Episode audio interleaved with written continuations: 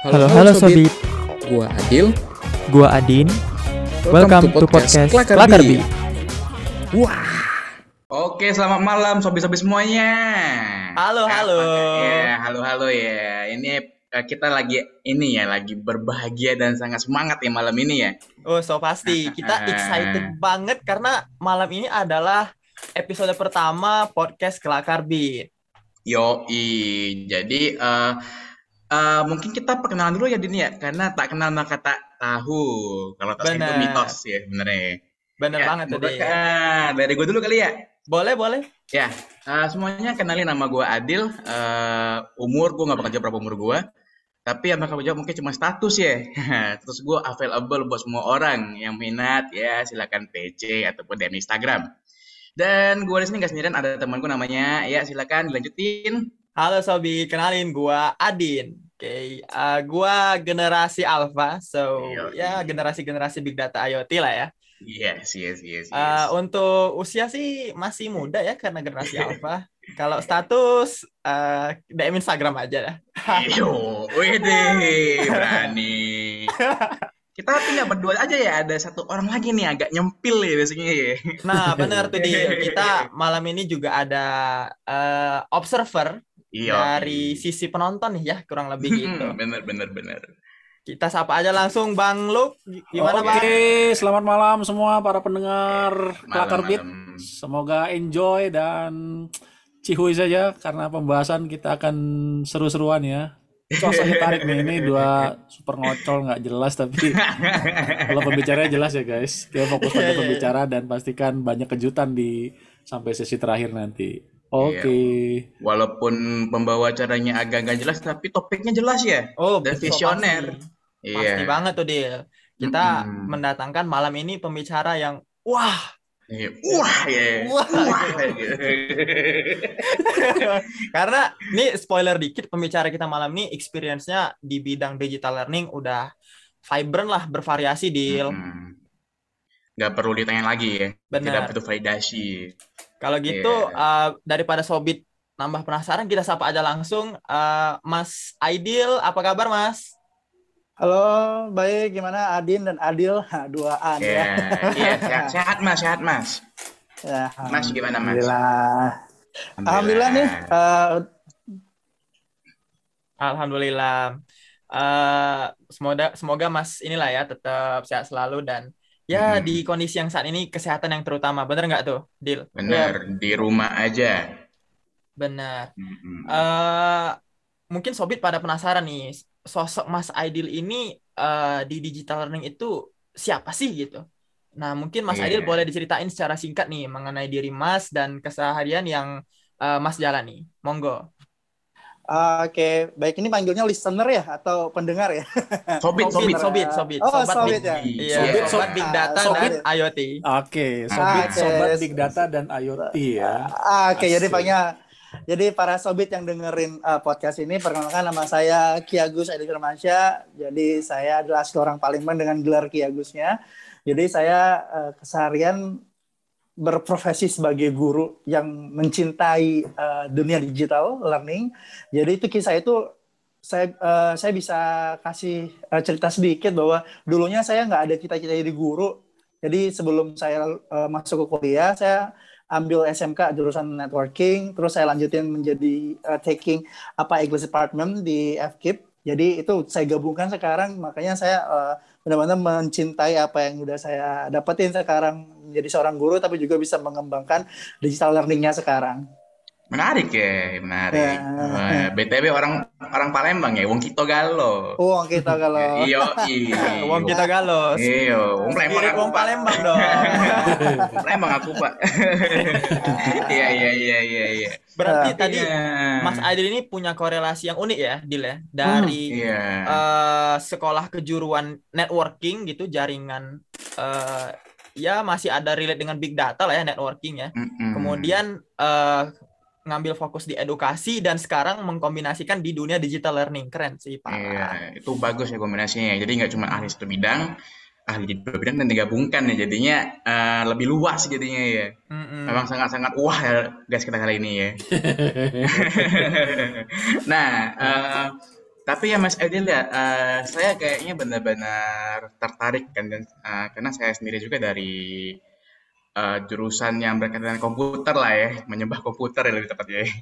Jadi bi- kalau boleh tahu nih, apa sih yang buat Mas Edil tuh kayak tertarik dengan digital learning, big data dan IoT dan semua yang pernah Mas Edil lakukan sebelum-sebelumnya gitu? Apa yang jadi eh, poin-poin menarik buat Mas Aidil gitu? Oke, Eh, satu quote dari eh, Umar bin Khattab yang masih saya eh, tekuni dan saya masih eh, pegang sampai sekarang adalah didiklah anakmu sesuai zamannya. Nah ini zamannya anak-anak itu udah zaman eh, gadget. Kalau Iya, zaman dulu iya. saya masih ingat banget tante saya tuh harus pergi ke supermarket untuk beli diskonan. Kalau sekarang kan nggak perlu lagi udah ada e-commerce dengan banyak free Iya, ongkirnya kayak gitu kan. Jadi itulah salah satu alasan kenapa saya ingin sekali mengembangkan digital learning ini dan juga udah saatnya nih uh, kita harus uh, mengikuti zamannya jangan sampai kita ketinggalan jangan sampai orang orang luar negeri ini ngelihat kita tuh kayak ah Indonesia mah kuno. Nah kita jangan sampai kayak gitu. Nah saya jangan sampai apa yang saya rasakan zaman dulu itu dirasakan juga sama anak-anak zaman sekarang gitu. Itu yang pengen saya berikan kepada anak murid saya nanti ke depannya. Jadi mereka merasakan dan juga mempersiapkan diri mereka nanti ke depannya untuk lebih baik gitu dengan digital learning ini. Hmm. Bener-bener jadi kayak relate ya. itu ya, eh, kayak biar Mas Edil yang lain jangan ya.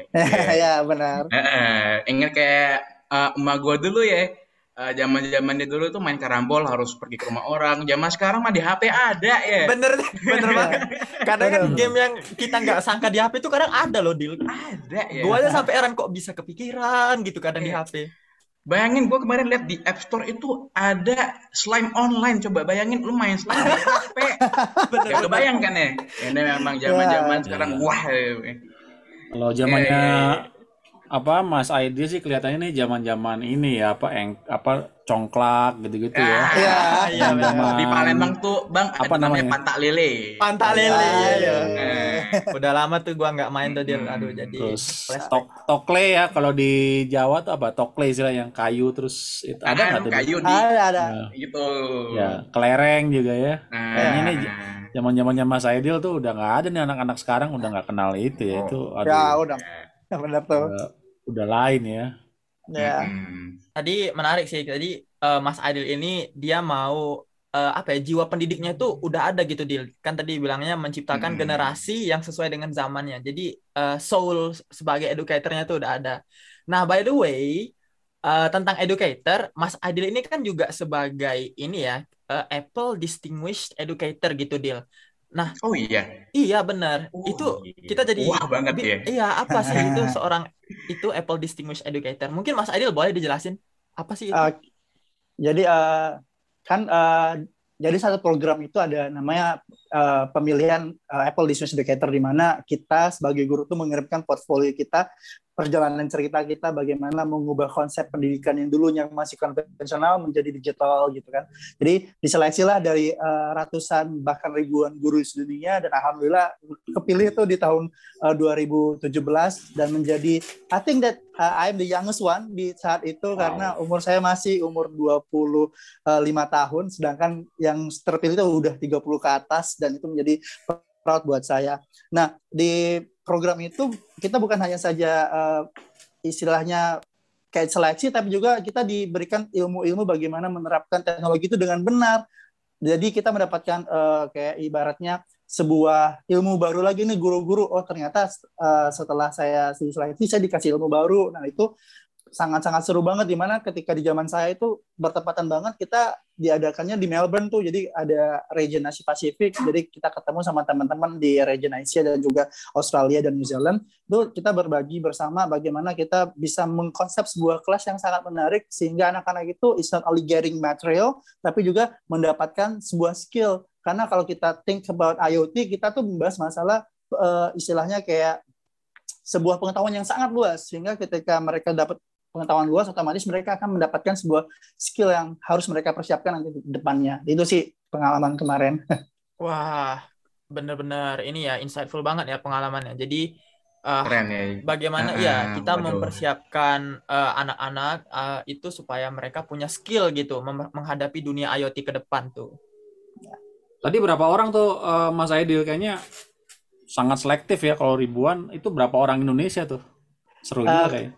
Kalau untuk uh, yang ikut mungkin ribuannya saya konkret ke, ke dunia kayak gitu. Tapi kalau untuk di, di Indonesia sendiri bahkan di Asia itu mungkin ratusan ya. Jadi dari ratusan dapatlah kita cuma tiga orang. Nah yang wow. saya sangat sedih, sangat sedihnya itu adalah ketika saya bahas masalah uh, sekolah dan menjadi salah satu sekolah private bukan sekolah internasional. Jadi saya sendirian tuh yang ibaratin pribumi gitu kan istilahnya. Nah, yang dua, dua, jadi yang dua, yang dua orang ini nih kayak istilahnya tuh uh, bule yang numpang hidup di Indonesia, ngajar di Indonesia kayak gitu loh. Jadi uh, cukup bangga lah dengan prestasi yang mungkin saya bisa dapatkan ketika di tahun 2017 itu. Wow. Oh. Iya, iya. Nah, itu pasti ada sesi cerita-cerita tentang dari mana berasal, terus cerita sekolah. Itu mungkin jadi mengharukan kali ya atau apa tuh yang membuat menarik itu seperti maksudnya apa yang membuat Apple jatuh cinta pada Mas Aidil akhirnya terpilih di situ. Uh, jadi saya tuh ngebawain cerita uh, kan saya mengajar bahasa Inggris nih. Espino kita kan Indonesia tuh English tuh foreign language bukan second language. Jadi saya uh, bagaimana meng, meng, mengajak anak-anak itu menggunakan teknologi, tapi mereka tuh ngomongnya tuh nggak perlu datangin bule dengan teknologi pun udah ada bule. Misalkan kalau kita tuh kayak uh, kita punya Google, Hey Google, gitu kan? Iya, iya, ya, benar, benar, benar, ada, ada, ada. Simple aja kayak gitu loh. Misalkan kalau mereka udah tahu pronunciation dengan baik, mereka udah pede tuh ngomong kadang kan mereka uh, karena nggak pede itulah yang mereka akhirnya nggak mau untuk uh, berbicara. Nah itu salah satu yang saya bawa ke apa namanya cerita yang saya bawa ke seleksi itu gitu. Terus saya juga kasih ke uh, apa salah satu poinnya adalah reading. Kita kan tahu sendiri kita di tahun 2019 sih kayaknya PISA kita kan peringkat 60 60 berapa dari 67 gitu kan. Hmm, itu sangat itu. sangat sangat memalukan sebenarnya kan. Jadi itu saya berpikir bagaimana reading ini akan cintai anak ternyata dengan konsep uh, mind mapping yang kita punya dengan aplikasi yang ada di uh, tablet mereka di iPad mereka saya buat bagaimana reading itu menjadi hal yang sangat menarik sehingga ketika mereka berbicara mereka udah punya isi gitu karena mereka membaca poin-poin penting di situ dan yang saya uh, bawa juga adalah saya membawa uh, lima video kalau nggak salah lima video itu uh, anak-anak saya berbicara dalam bahasa Inggris dan mereka sangat mengapresiasi uh, pronunciation uh, uh, apa aksennya mereka tuh udah kayak real native gitu dah itu mereka apresiasi itu hmm. uh, Wah. Udah bukan kayak orang ini ya, orang Indo ya. Mm. Ya orang Indo kayak. Iya pak. Ngomong-ngomong tentang Google Assistant ya, gue inget temen gue Andin. Siapa tuh? Ada ya kan, uh, dia ngomong lah kan, oke okay, Google bla bla bla bla bla bla. Google-nya nggak recognize. Jadi solusinya dia ganti bahasa Indonesia kan. Oke, okay, Google sekarang jam berapa gitu. Kan. mungkin Jalan mungkin pronunciation-nya kali nggak nggak kena kali tuh. Uh, yeah. Mungkin perlu bahasa yeah. Palembang itu. Mas kali ya. Iya, Palembang. Iya, iya. Perlunya mungkin oke okay, Google. Jam berapa sekarang tuh? Jam berapa? Gitu, ya. Oke. Yeah.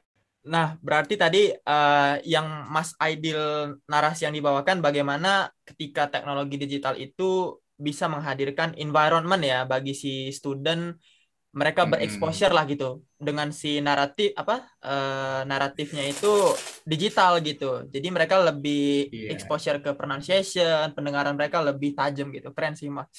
Uh, jadi inspired banget sih ini, Dil. Iya, apa kayak ini sebenarnya hal-hal gini kan nggak semua orang ini tahu kan. Bahkan di Indo mungkin orang masih awam dengan hal-hal yang berbau begini-gini kan. Tapi ini menarik ya kan. Nah, dan juga kan uh, sebagai pengajar yang berbasis digital learning kan, Mas Edil ini kan selalu mungkin sudah terbrandingan dengan digital learning educator ya.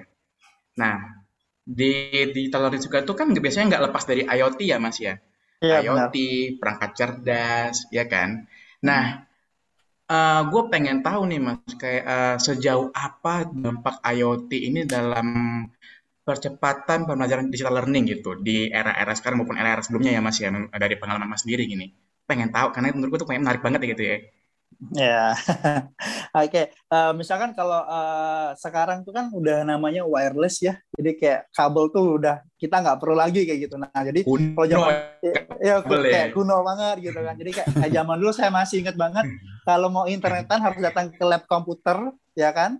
Ya harus colokin LAN dan sekarang tuh nggak perlu lagi. Hmm. Jadi sebenarnya Eh, dampak IoT dan juga perangkat cerdas ini sangat mempengaruhi proses pembelajaran kayak gitu loh. Jadi misalkan kalau kita bayangin kita harus bawa kabel panjang-panjang, narik LAN dan lain mungkin proses pembelajaran habis di itu doang tapi dengan adanya perubahan dengan perangkat cerdas sekarang eh, smart gadget ini udah membantu sangat eh, proses pembelajaran contoh misalkan kayak dulu kita harus nyolokin eh, kabel VGA ke laptop nah sekarang itu nggak ada lagi kita tinggal Hmm. screen Iya. mirroring Iya, doang iya, gitu iya.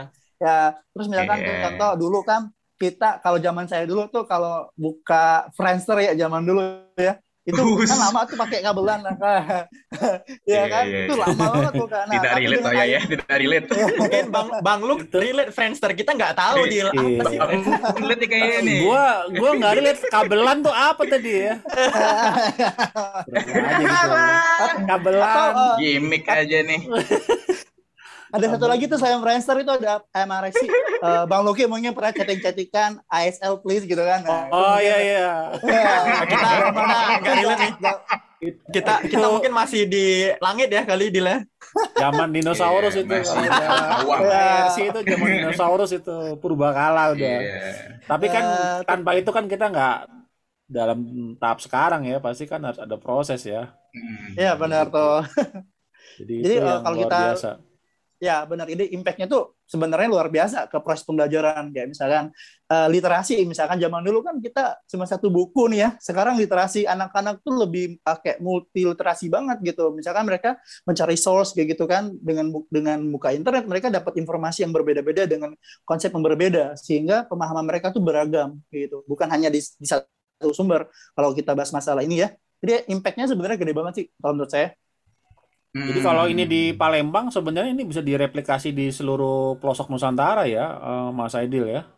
Mm, benar sekali tuh Bisa artinya eh, kalau Mas Aidil aja bisa berarti kawan-kawan di misalkan Merauke, kawan-kawan di mungkin Nusa Tenggara atau mungkin daerah-daerah yang mungkin dianggap terpencil gitu sebenarnya eh, ini bisa kita aplikasikan ya, Mas Aidil Ya. ya, benar banget dengan segala macam romantikanya. Iya, harusnya bisa ya. Tapi eh, tapi gue dulu sempat hidup di zaman zamannya kalau internet tuh harus eh, cabut kabel telepon ya, colok ke laptop. Buka Google, buka Google, ini buka Google nih mantengin dulu ya. Sempet lah buat buat mie dulu, kopi, makan, mandi, baru kebuka Google-nya ya.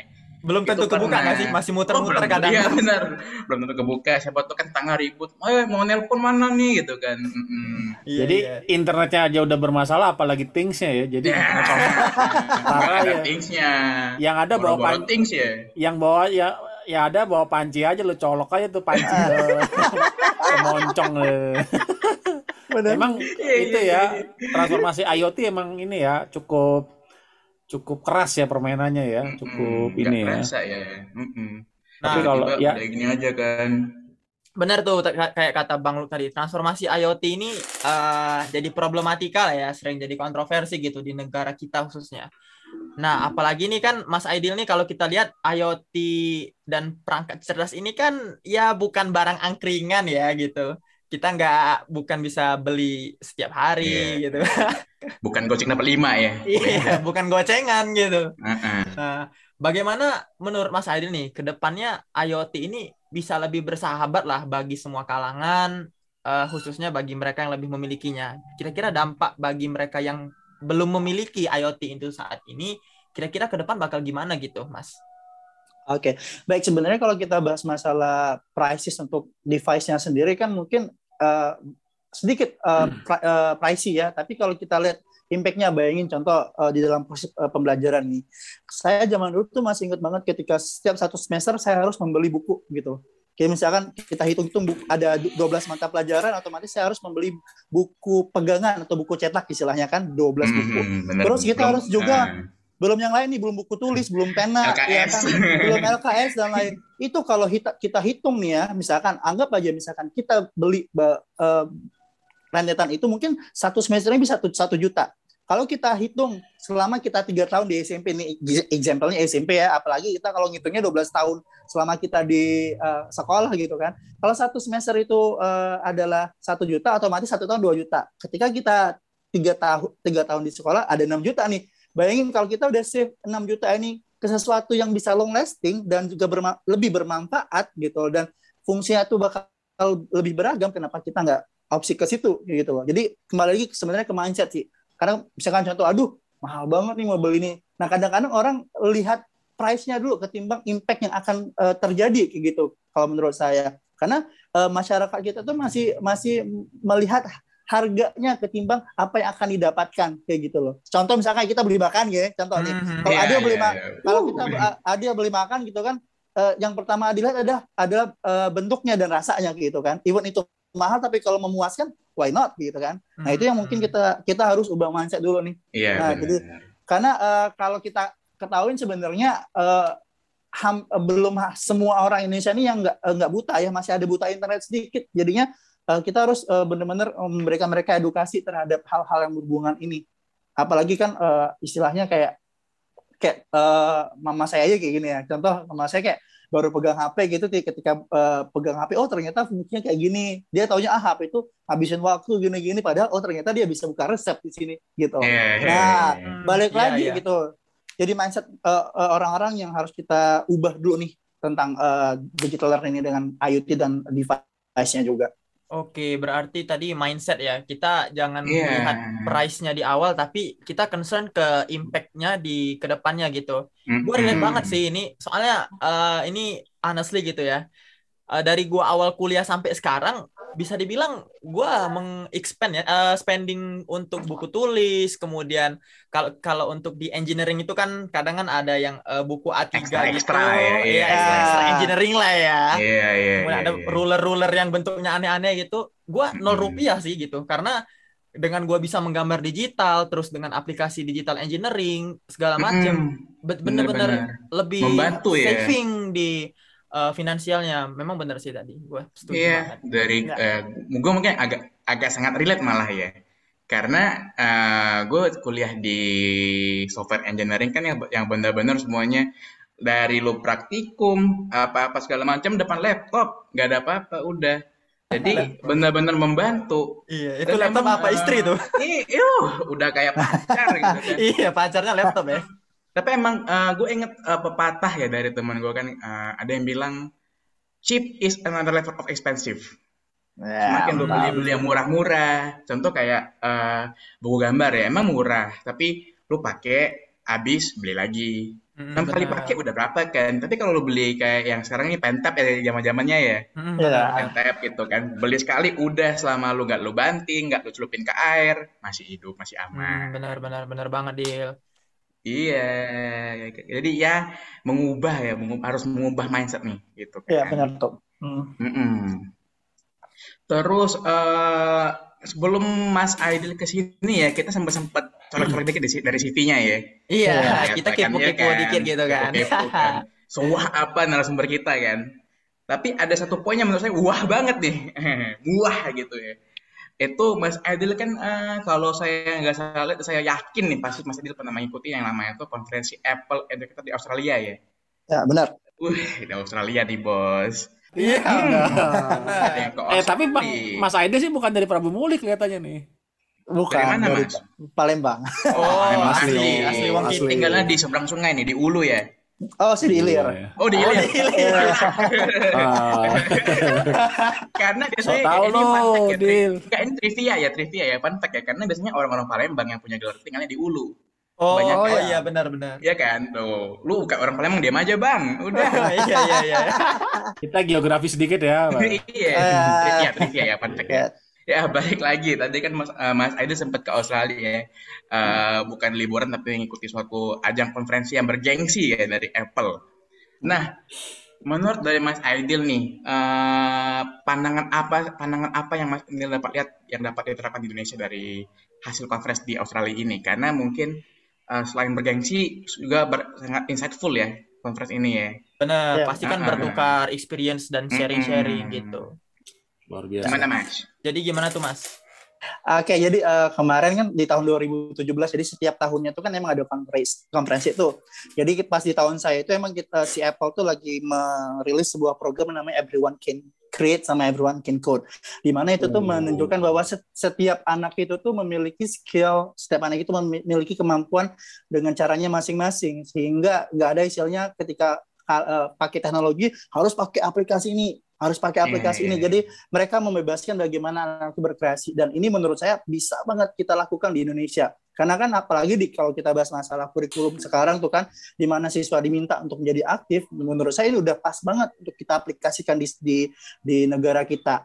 Terus ada lagi everyone can code di mana anak-anak itu setelah berpikir memiliki skill mereka akan berpikir secara logik dengan menggunakan coding dan lain. Dan menurut saya uh, orang Indonesia tuh udah jago-jago banget. Gak usah jauh-jauh kita beberapa uh, Gojek online pun udah kita ciptakan sendiri dengan brand Indonesia kayak gitu. Iya, Jadi benar, kalau, uh, kalau kalau menurut saya itu udah uh, sebenarnya udah bisa kita laksanakan. Tinggal kita nanti bagaimana menyamaratakan kualitas dari sekolah dan juga guru plus murid sehingga kita bisa mencapai uh, target-target dari program tersebut sih sebenarnya.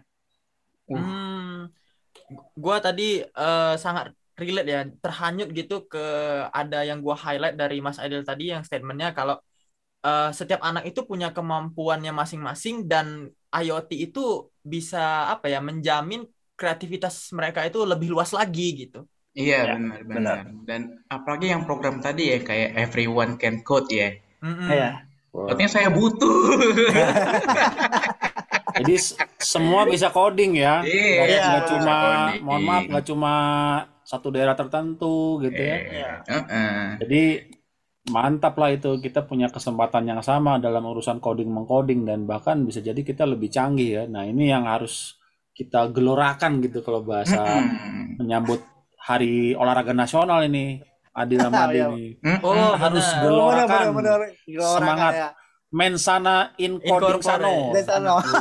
Ya, mensana bukan incorpore sano, mensana Sano. in coding sano. Coding, sano. Oh. Ya. Di dalam tubuh Iya, yang sehat iya, ada coding yang kuat. Oh. Dan di dalam coding yang kuat ada tubuh yang kuat juga. Asik, Wah. asik. Tapi. Mantap, ya. Agak maksa tapi ya agak maksa, ya. ya. Tapi Tapi ya itu ya. emang keren betul itu itu kita harus gelorakan. Makanya podcast kita ini emang menggelorakan semangat big data dan IoT Iya, se- iya, benar. se-Nusantara yang bisa akses ini ya. Oke. Iya. Mantap. Berarti dari- belajar ya. dari situ kita uh, bisa lihat bahwa setiap orang itu benar-benar bisa coding, bisa berekspresi, bisa berpikir gitu. Hanya saja kadang fasilitasnya belum uh, menjemput Hmm. mereka gitu ya, gitu. Tidak di ini ya, tidak didorong oleh Hmm, fasilitas itu yang ya. harus kita Hmm. galakkan lagi digelorakan mungkin kalau bahasa Bang Iya, Luki tadi. digebiarkan ya.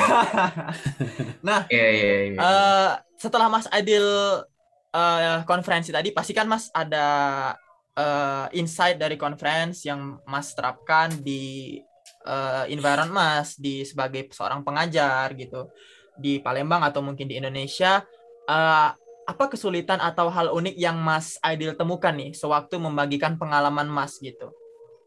Oke, eh, sebenarnya kesulitan itu eh, balik lagi adalah ke mindset sih. Kayak saya bilang di awal tadi, kadang-kadang gini, eh, ketika saya menemukan orang tua atau murid yang mindsetnya masih belum menuju ke arah sana, masih ma- masih istilahnya kayak score oriented, sehingga mereka berpikir, buat apa nih aku pakai program-program kayak gini nih, ngapain nanti aku eh, untuk apa eh, di kehidupan gitu kan? Padahal sebenarnya ketika mereka tahu itu program yang yang diluncurkan itu untuk menambahkan skill, menambahkan kemampuan mereka untuk di kehidupan nyata, saya rasa mereka pasti akan belajar. Nah, karena mindsetnya tadi mereka masih belum bisa berubah, itu menjadi kesulitan tuh. Jadi biasanya kalau kesulitan itu saya akan dapatkan ketika di tahun pertama dan kedua. Di tahun ketiga udah mulai bagus, nanti mereka udah mas- masuk ke level yang selanjutnya. Nah, setelah itu eh, balik lagi ya kalau kita bahas masalah eh, internet kayak gitu kan. Jadi kesulitan juga saya bahas masalah eh, kecepatan data kayak gitu. Jadi misalkan di di di Indonesia sendiri terutama kalau di Palembang Sumatera nih ya kayak provider provider internet itu belum masih belum bisa menyupport full apa yang kita inginkan kayak gitu loh. Kadang-kadang misalkan kalau kita butuh datanya cepat, nah anak-anak juga nggak eh, nggak nggak bisa sabar nih ya. Kenapa kayak gini kayak gini? Karena tadi kan mereka belum belum siap kayak gitu. Jadi akhirnya eh, balik lagi dari internetnya kita harus cari benar internet yang yang stabil sehingga eh, nggak mengganggu konsentrasi mereka ketika belajar.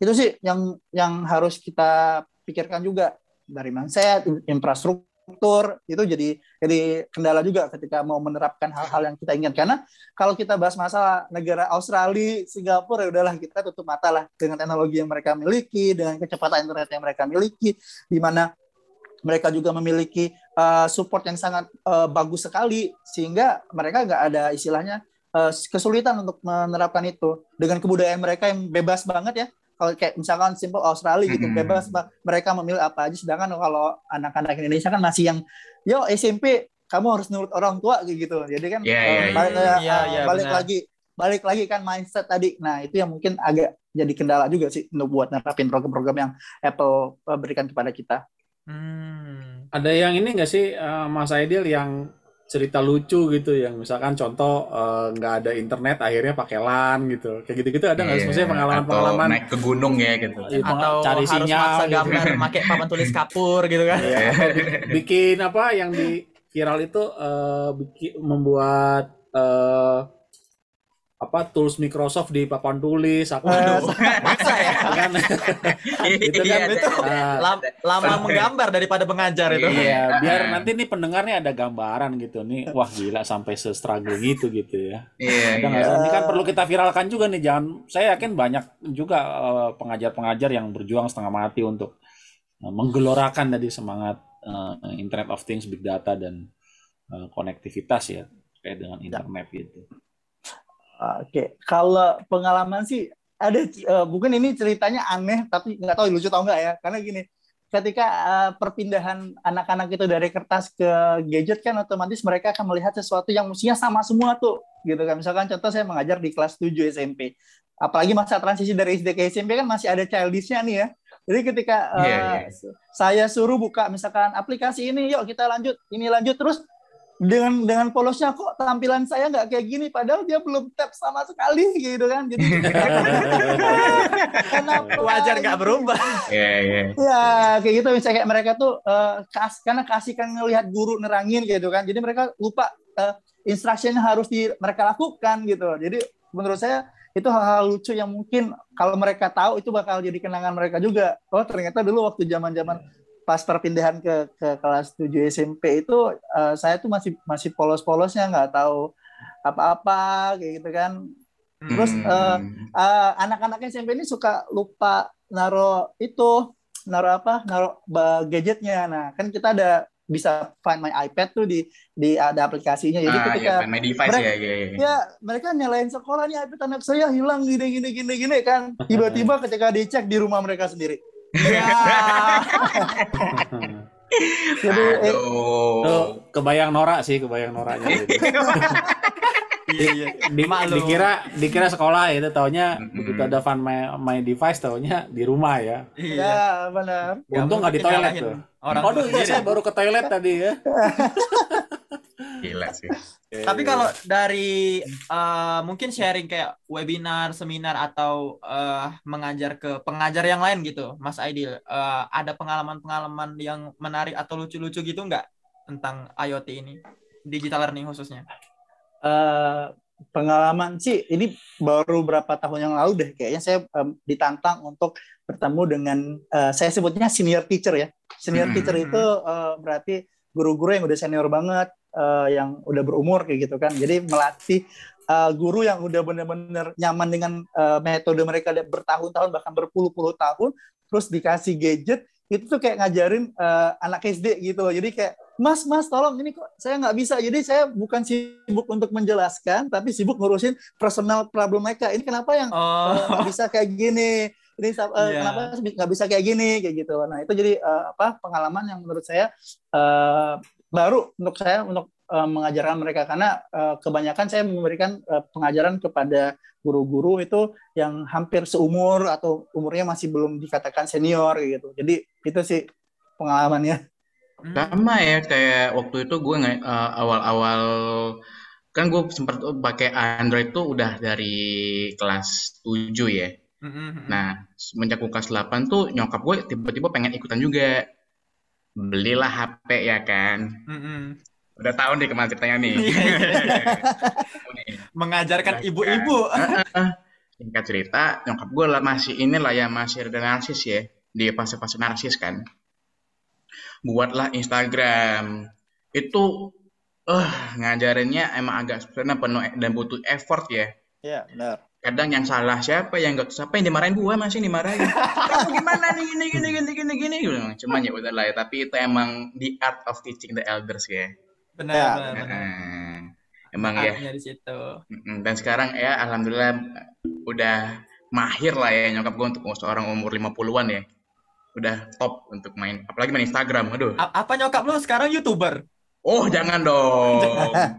Bahaya. Iya. Jangan jangan jangan jangan aduh ya ya ya ya balik lagi ya nih mas ya. Hmm, kalau nggak salah kan tadi di awal mas sempat pernah bilang kalau eh, mas itu pernah presentasi ya di Australia kan tentang bagaimana sistematis pendidikan di Indonesia kan. Ya kita sebagai pelajar kan agak tersentuh nih kan. Wah ada orang nih yang menjelaskan bagaimana sekolah kita tuh berjalan di Australia nih karena nggak semua orang tahu kan gimana di Indonesia gitu kan.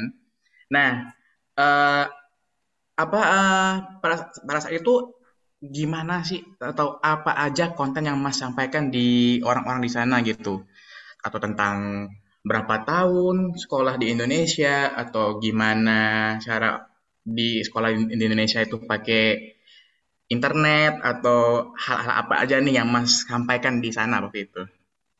Oke, ah, oke, baik. Jadi eh, salah satu yang eh, saya bawa ketika saya presentasi itu eh, bagaimana saya menceritakan problem-problem tentang literasi dan informasi yang didapatkan oleh orang Indonesia ketika belajar di sekolah gitu. Kalau zaman dulu kan eh, kalau teman-teman kayak Adin atau Adil lah eh, Mm-mm. eh, ketika belajar mungkin dulu bukunya cuma satu gitu. Misalnya contoh mata pelajarannya cuma satu, sehingga in- informasi yang didapatkan tuh nggak nggak nggak nggak terlalu bervariasi. Sehingga Oh, ya, ya, iya, iya, iya. se- sehingga Bukunya kita dari ini ya. ya, Itu jadi pakai Ya. semester gitu. ya, terus ketika belajar kan jadinya bosan tuh. Kalian bosan nggak sih ketika ngeliat udah lebih banyak, aduh bosan Uh, banget. Gue nggak mau nggak mau buka nyentuh-nyentuh buku ini kalau komik gue nomor satu nah ketika uh, uh, saya ceritakan seperti itu dengan adanya perubahan digital di mana anak-anak itu ada literasi yang banyak dengan konsep yang benar itu mereka sangat uh, terpukau dengan apa yang saya uh, berikan kepada mereka gitu loh bahwa ternyata ada loh uh, sekolah di Indonesia bahkan mereka nanya are you from Jakarta are you from uh, Bali gitu Oh iya iya Ya, iya. Orang ya. luar cuma tahu dua, nggak. Jakarta Bali. Benar, Iya. benar. jadi Kira Bali jadi- negara gitu kan. Jadi uh, itu sih uh, yang yang saya uh, ceritakan ke mereka bahwa sebenarnya kami uh, we can do as you can do gitu loh. Jadi kayak uh, sebenarnya kami punya juga sesuatu yang bisa kami ceritakan gitu. Itu sih. Oh, Wah, menarik ya. ini Keren, ya menarik keren. ya. Tapi denger-denger nih dari hasil kepo-kepo tim eh, Kubus Ganesha, Oke. iya. Kita nge-stalking dengan cara yang baik ya. Iya, kita nge-stalking yang positif tentunya. Heeh, CV, pengalaman kerja ya. Heeh. Aduh. Iya, Jadi iya. denger-denger nih Mas Aidil katanya pernah presentasi ekosistem eh, apa ya pendidikan di sekolahnya Mas, terus di Australia juga kalau nggak salah, terus dapat apresiasi yang luar biasa tuh dari mereka. Itu kenapa ya Mas?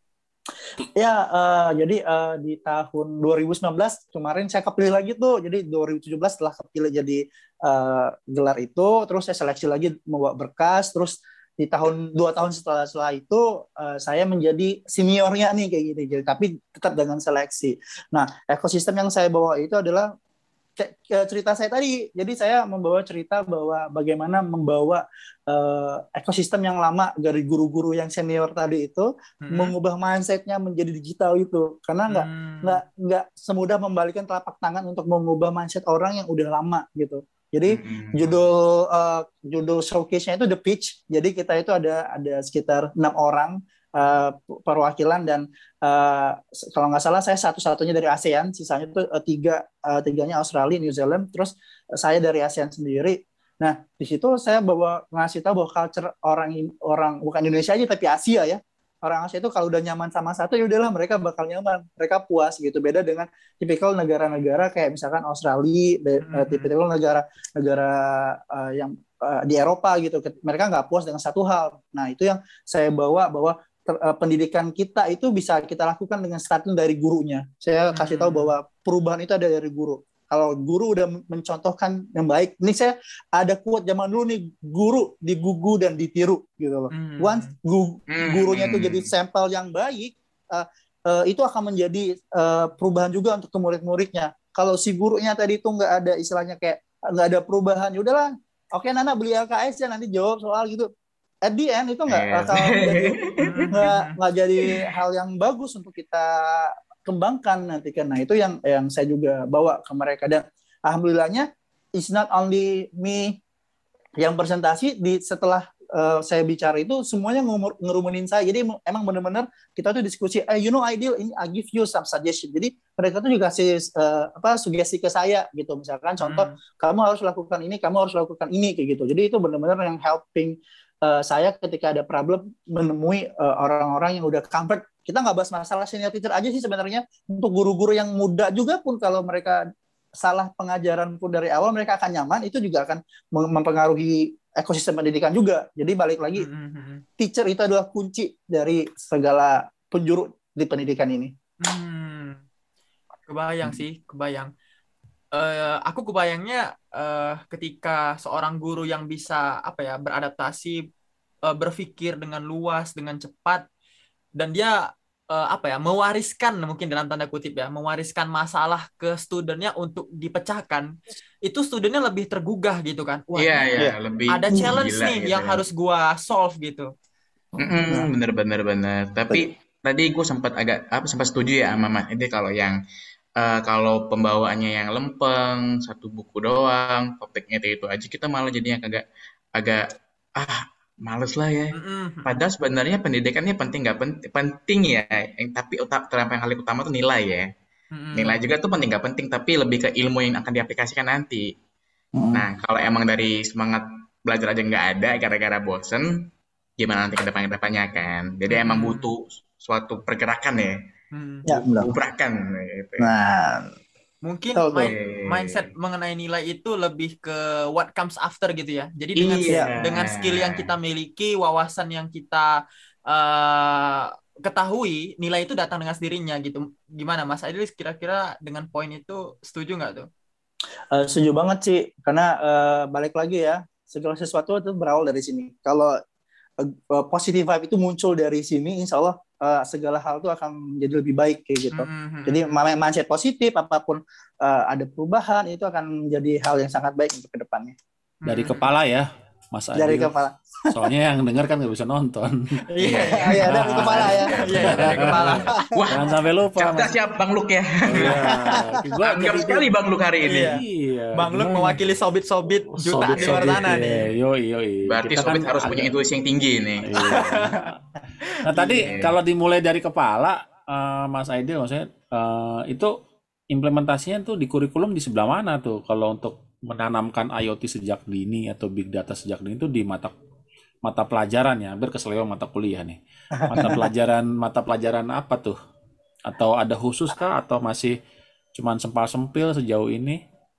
Eh, sebenarnya kalau saya eh, apa ya kayak membuka kembali kurikulum yang dari SD sampai SMA sebenarnya kita tuh udah punya kurikulum yang kayak misalkan di SD ada tematik di mana pela- pembelajaran itu bukan mata pelajaran tapi mereka buat tema mereka masukkan semua mata pelajaran menjadi satu tema. Nah, salah satunya mereka bisa masukkan IT di situ. Itu udah benar sebenarnya. Nah, ketika di SMP di- diperkuat kembali dengan eh, prakarya yang katanya di tahun ini udah udah udah kembali eh, IT-nya jadi kalau saya kemarin kemarin buka silabus dari IT itu udah ada belajar coding kalau nggak salah itu udah pas banget sih untuk eh, untuk apa namanya murid-murid kita. Nah tinggal tinggal balik lagi gimana si gurunya ini mempackage si IoT dan juga bentuk-bentuk IT dalam proses pembelajaran itu. Jangan sampai menjadi hal-hal yang sangat membosankan untuk ke depannya. Itu sih. Hmm, jadi jangan sampai membosankan. eh, Hmm. Ada tetap eh, unsur ini ya, me- apa ya, mengundang kreativitas dari siswa juga. Iya, benar benar. Dan Ya, itu butuh butuh butuh itu skill ya. itu Adil. Butuh skill. Butuh skill. Iya, jangan kayak lu, lu mah Lah, ada ya gue kan gue familiar dengan coding-codingan ya. Iya. sangat familiar malah kan. Eh, emang benar kayak eh, kalau emang pembawaan gurunya yang lempeng gitu kan ya tentang coding itu emang kita agak jadinya mikir kan nih ngapain kan nulis kayak gini-ginian kan gitu kan. Orang ngerti juga kagak, tapi ada satu eh, dosen gue ya yang bilang kayak gini. Kalau menurut gue itu coding itu kayak teka-teki. Oh, Jadi fun, Eh. fun to solve. oh, Nah, itu Yeah. agak memicu kan, oh iya nih, penasaran kan, walaupun pusing juga awal-awalnya ya, ujung-ujungnya Iya. pusing gitu kan, nyari Iya. ke mana-mana, tapi Jadi curhat Iya. nih ya, Bun. ada, uh iya curhat jadi kan, tapi iya Iya, iya. Menyenangkan coding itu menyenangkan teman-teman ayo Berarti dari potret pendidikan yang eh, Mas Aidil sampaikan tadi, eh, kita nggak bisa deny ya, bahwasannya bisa masih deny. ada jurang nih di pendidikan kita yang kita alami dari sisi Hmm. mindset, dari sisi infrastrukturnya, dan Hmm. dari sisi hal-hal lainnya. Nah, bisakah eh, menurut Mas Aidil nih ya, IoT eh, perangkat cerdas ke depannya ini menjadi solusi masalah ketimpangan yang kita hadapi ini eh, ke depannya dalam pandangan Mas gitu. Mangga, gimana Mas? Eh, sebenarnya eh, kalau saya lihat ini kendala-kendala di lapangan kayak infrastructure, mindset dan lain itu akan menjadi eh, hal yang tidak akan ada apabila ada koordinasi dan juga komunikasi yang baik kayak gitu. Hmm. Contoh kayak misalkan mindset, bagaimana kita me- men- menanamkan mindset itu bukan hanya ke murid tapi ke orang tua juga nih. Sama kayak kalau kita ngasih tahu murid, ah jangan lakukan A, eh si orang tuanya nggak nggak hirau kayak gitu. Jadi benar-benar kita harus eh, menanamkan itu bukan hanya di satu aspek tapi ke orang tua juga, ke murid juga. Nah, untuk masalah infrastruktur dan lain itu kita kita bisa istilahnya kayak bisa berkoordinasi, mendiskusikan bagaimana nanti penggunaannya dan kita bisa eh, kerjasama juga dengan beberapa instansi yang mungkin bisa membantu. Kayak misalkan contoh kemarin kami juga sempat eh, berkoordinasi juga dengan Kementerian Pendidikan Budaya di ba- bagaimana nanti eh, ke depannya eh, infrastruktur menjadi utama ketika eh, proses pembelajaran dengan menggunakan digital learning ini karena eh, kalau kita ketahui banyak banget problem-problem yang berurusan dengan digital learning ya terutama dengan internet kayak gitu.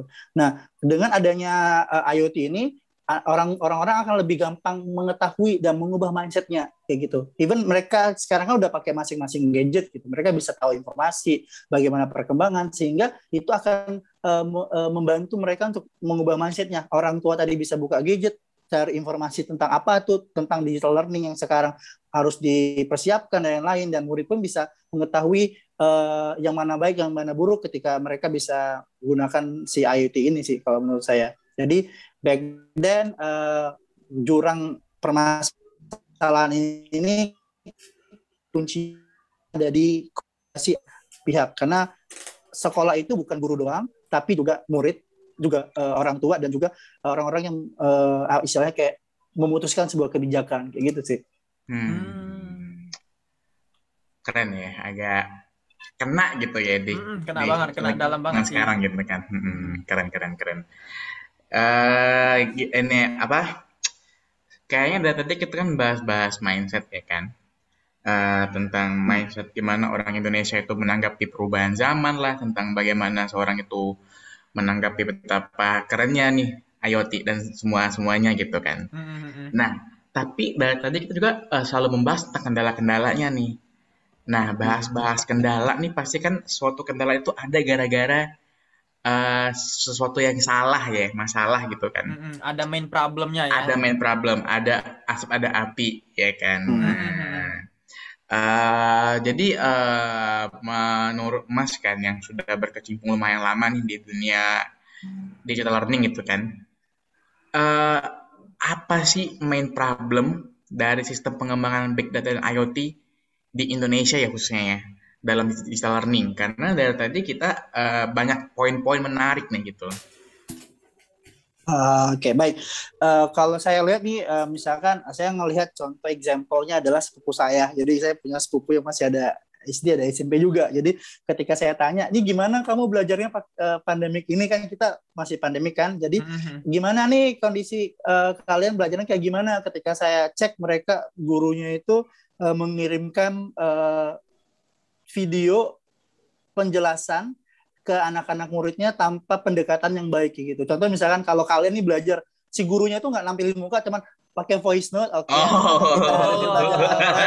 iya iya iya iya. Kalau menurut saya itu sa- penyalahgunaan sistem kayak gitu. Sebenarnya cara kita memberikan pembelajaran dengan WhatsApp itu bisa dengan baik misalkan tuh kita buat video yang baik gitu kan Hmm, terus kita buat vlog ya, kasih buat vlog. ya buat vlog "Hai anak-anak hari ini kita akan belajar oke ini materinya itu it will be better gitu nah Aha. ya kebanyakan orang-orang Indonesia itu kan istilahnya nggak mau ribet yang cari yang gampang doang contoh kayak misalkan Hmm. eh, saya tuh kaget banget ketika sepupu saya eh, mau nanya eh, kak ini ada tugas nih terus dia langsung foto eh, dikirimin sama gurunya guru itu hanya memfoto si eh, tugasnya gitu tanpa membuat packaging yang bagus, worksheet yang Hmm. bagus. Sedangkan kalau kita ketahui kalau HP sekarang aja udah bisa eh, buat eh, apa file Word atau apa file-file yang berhubungan dengan data gitu kan bisa kita buat dengan cantik. Kenapa enggak? Nah itu menurut saya ada sis ada kesalahan di sistem untuk pengembangan di situ. Nah mungkin nanti kalaupun mereka ingin eh, melakukan itu, mestinya mereka harus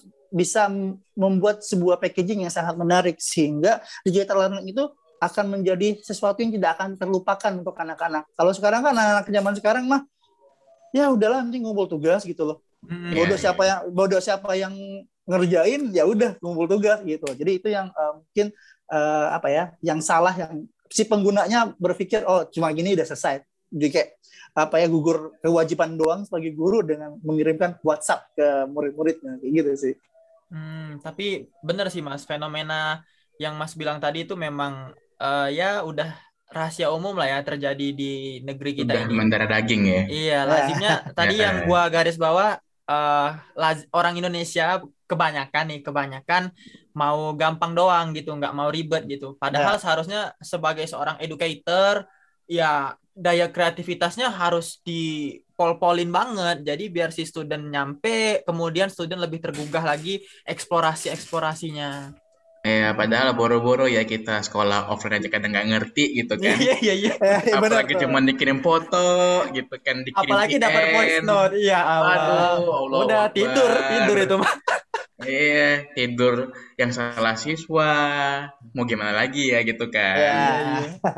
Iya, gitu. Ya. Emang harus Tapi dibenerin. Disclaimer ya, mungkin mungkin hanya adil aja mungkin. Iya. juga yang lain nggak begitu. Bisa jadi. Iya, iya, benar. Bisa jadi Benar, yang lain itu lebih menikmati tepat ya. pengalaman saya ya. Iya. Bisa Jadi yang lain menikmati malah voice note wah diseru nih ketawa. malah ada yang senang su- voice note aja lah. Gua kan bisa juga ya Mas Edil ya. Ada juga mungkin yang gara-gara bisa bolos gitu. Iya. Jadi memang mungkin mungkin dari sisi ini ya internet ya voice note lebih Iya. ramah internet ya Lebih Iya, ramah kuota bisa dan juga juga begitu, mungkin gurunya kan eh, percaya sama studennya gitu kan. Ya hubungan yang baik lah gitu. Hmm, hmm, hmm, hmm. Iya, iya, iya, iya. Benar-benar oke Eh, terus eh, ini nih Mas Aidil nih Eh, dari problem tadi kita tentunya nggak mau dong eh, negeri kita ini apalagi Mas yang udah eh, exposure lah ya ke negara-negara lain dengan educator-educator dari negara lain pasti pengen ada aduh ayo nih negara negaranya harus berubah nih gitu Eh, dari menurut Mas nih apa yang seharusnya kita lakukan agar perkembangan digital learning kita lebih masif berdampak baik itu dari siswanya, dari educatornya, pengajar atau bahkan dari eh, otoritas or government-nya gitu. Oke, baik. Eh, kalau saya lihat sih sebenarnya balik lagi ke individu ya. Jadi kita harus eh, menjadi individu yang nggak puas dengan satu hal. Karena kalau kita flashback kembali kan, guru itu adalah salah satu profesi yang nggak berhenti belajar. Kalau Hmm, guru benar, sudah benar. berhenti belajar, maka udah selesai Udah maka selesai. pendidik tidak tidak apa pendidikan itu nggak bakal berkembang. Nah itu jadi action yang akan kita lakukan pertama kali adalah bagaimana di individunya itu menciptakan sifat yang eh, nafsu untuk selalu berkembang. Nah itu yang harus ditanamkan eh, dari ke guru-gurunya nih. Terus eh, setelah dari itu kita baru bisa tuh yang namanya membuat sebuah eh, istilahnya tuh kayak forum guru. Jadi misalkan contoh kayak eh, pertemuan guru eh, antar kecamatan, antar eh, eh, divi- antar level kayak gitu kan bisa kita lakukan. Nah, yang saya lihat di- eh, yang kurangnya adalah eh, di Indonesia nih kita kurangnya komunikasi antar guru. Nah, kayak tukar pikiran gitu loh. Jadi misalkan oh Hmm. sekolah ini udah unggulan ya udah eh, sekolah itu aja tuh yang yang yang bisa buat itu gitu. Nah, kalau kita Mhm. berbagi kayak gitu kan apa kena- kenapa enggak kayak gitu. Nah, itu mungkin bisa jadi apa ya action yang bisa kita lakukan juga. Begitu juga dengan pemerintah. Pemerintah juga eh, bisa membuat sebuah program-program yang me, me- ah ya, kayak mengajak guru-guru itu, yuk kita berubah menjadi digital learning yang benar-benar uh, baik untuk anak-anak dan juga untuk kita. Bukan bukan hanya uh, me memberikan program aja, tapi juga pemerintah uh, terutama untuk di kementerian itu sebenarnya ada kayak ada kursus guru itu. Karena contoh kayak gini nih, ketika guru-guru pandemi kemarin itu kan kaget semua nih dunia dunia yang paling berimpact itu adalah dunia pendidikan. Guru ubah uh, drastis di mana uh, saya dapat cerita juga dari uh, beberapa guru ketika dia benar-benar nggak bisa pegang laptop dia harus pegang laptop. Dia nggak tahu zoom akhirnya dia tahu zoom. Nah di situ mungkin harus ada pembekalan eh, pembekalan ibu-ibu baru untuk ke depannya bukan hanya saja tentang pedagogik bukan hanya saja tentang materi atau pembelajaran yang mereka ajarkan tapi bagaimana bisa mencikapi dan memahami dunia yang selalu berkembang. Itu sih. Hmm. Ya, gue jadi terharu dengernya. relate, relate ya Bang Luka. Ya. Palembang nih ya, guru yeah. Palembang nih. Aduh, sebagai sesama ini ya praktisi ya. Sebagai sama iya, praktisi iya. pengajar agak gitu. Terenyuh sesaat tadi ya. Terenyuh. Ya, iya. Jadi nggak cuma nggak cuma pedagogi tapi juga menyesuaikan dengan kemajuan serta persoalan yang sedang terjadi. Waduh itu epic banget sih. Iya, padahal kan kalau bisa satu bisa semuanya harus bisa ya. Iya, Karena nggak ada yang beda kan ya, cuma paling beda nama, beda beda nomor gitu kan. Pahlawan tanpa tanda jasa guru itu. Yeah. Aduh, aduh. Lo doraka lo kalau nggak inget sama guru lo. Nah, itu Siap, siap. Ya, apalagi Aduh, apalagi muka-muka muka-muka adil gini, muka-muka ini nih, muka-muka ruwet nih kayaknya.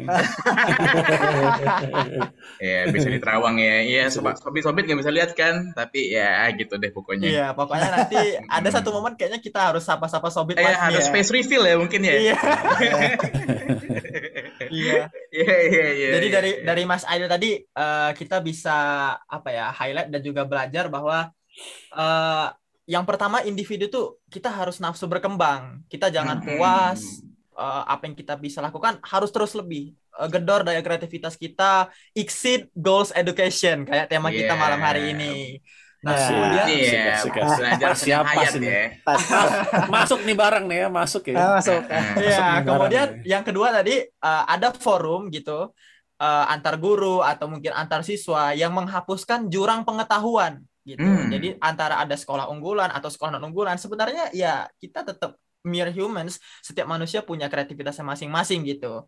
Jadi harus ada forum yang menghapuskan jurang-jurang tadi Kemudian yang ketiga yang tadi kata Bang Luki tadi uh, guru ini pahlawan tambah tanda jasa yang harus yeah. mem, apa punya bekal gitu menyikapi dunia yang penuh ketidakpastian lah ya selalu berkembang gitu.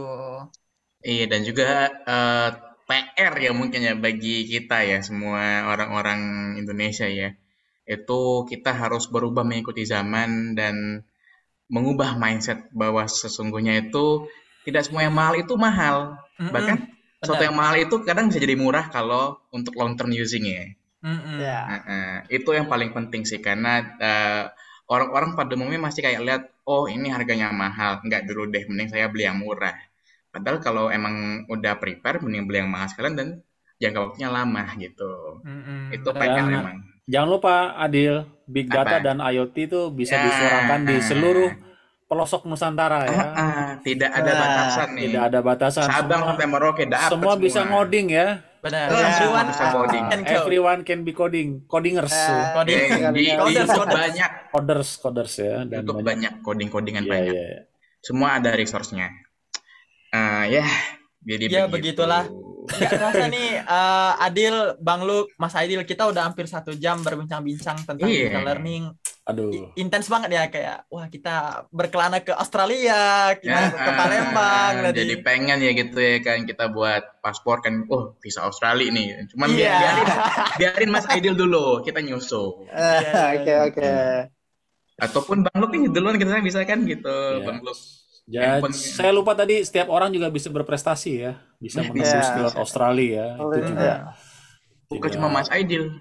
Kan, iya. Saya yakin banyak Mas Aidil-Aidil sana yang di luar sana juga yang hmm. punya kemampuan luar biasa ya. Ini kita bisa menemukan di podcast uh, Kelakar Beat. ya. Kelakar itu kita menemukan Intan dari Palembang sono. Wah. iya. Mas Ki Agus Aidil Firmansyah. Ya, Iya. nanti kita Iya. bisa kita cari temukan lagi berlian-berlian lain nanti di episode berikutnya mungkin. Ya. Iya. Oke. Jadi Oke. sobat sekalian, eh kayaknya kita eh sudahkan dulu sampai di sini Iya. kelakar Yes. episode 1. Eh nanti Pantengin terus ya. Nanti Bener. ah, ada episode 2 yang gestarnya mungkin lebih wah lagi lebih Mas Oh, Aidil, benar. Mas Aidil ya. Wahnya gimana tuh, Din? Wah. Wah. Wah. gitu. Iya. Hati-hati. Banyak banyak banyak. Kuahnya ke mana-mana itu. Ini ke meja-meja ya. Iya. Ke layar laptop muncrat gitu. Oke. Iya iya iya. Tapi Thank tunggu banget. aja. Thank you banget untuk Sobit yang udah dengerin kita eh, kurang lebih satu jam ini. Thank you banget untuk Mas Aidil juga. Luar Sukses biasa. untuk narasi dan misi yang eh, dibawakan sampai hari ini tentang digital Amin, learning, amin, changing amin, the amin. mindset. Everyone can create, everyone can code, everyone can make achievements gitu. Iya. Ya, ya, ya. Palembang berjaya ya. Iya. Wow kita kalau. Oh, kita Oh, galau. kita galau. Yo, Pacak shout out untuk Umum Palembang. Iya. Spesial edisi ini spesial Iya. Palembang ya. Apa? Ya. Ya Oke. ya ya. Oke, thank you banget. Eh kalau gitu kami akhiri di podcast Akar Beat. Eh bye bye, see you and peace out. Gua Adin Dadah, pamit. Sobit. Bang Luk cabut Aidil. juga. Gua Adil pamit juga ya nih. Adil. Eh, Adil ya bukan Adil ya. Adil. Iya. Oke, bye bye, bye bye semua sobit, bye. Bye Sobit. Bye.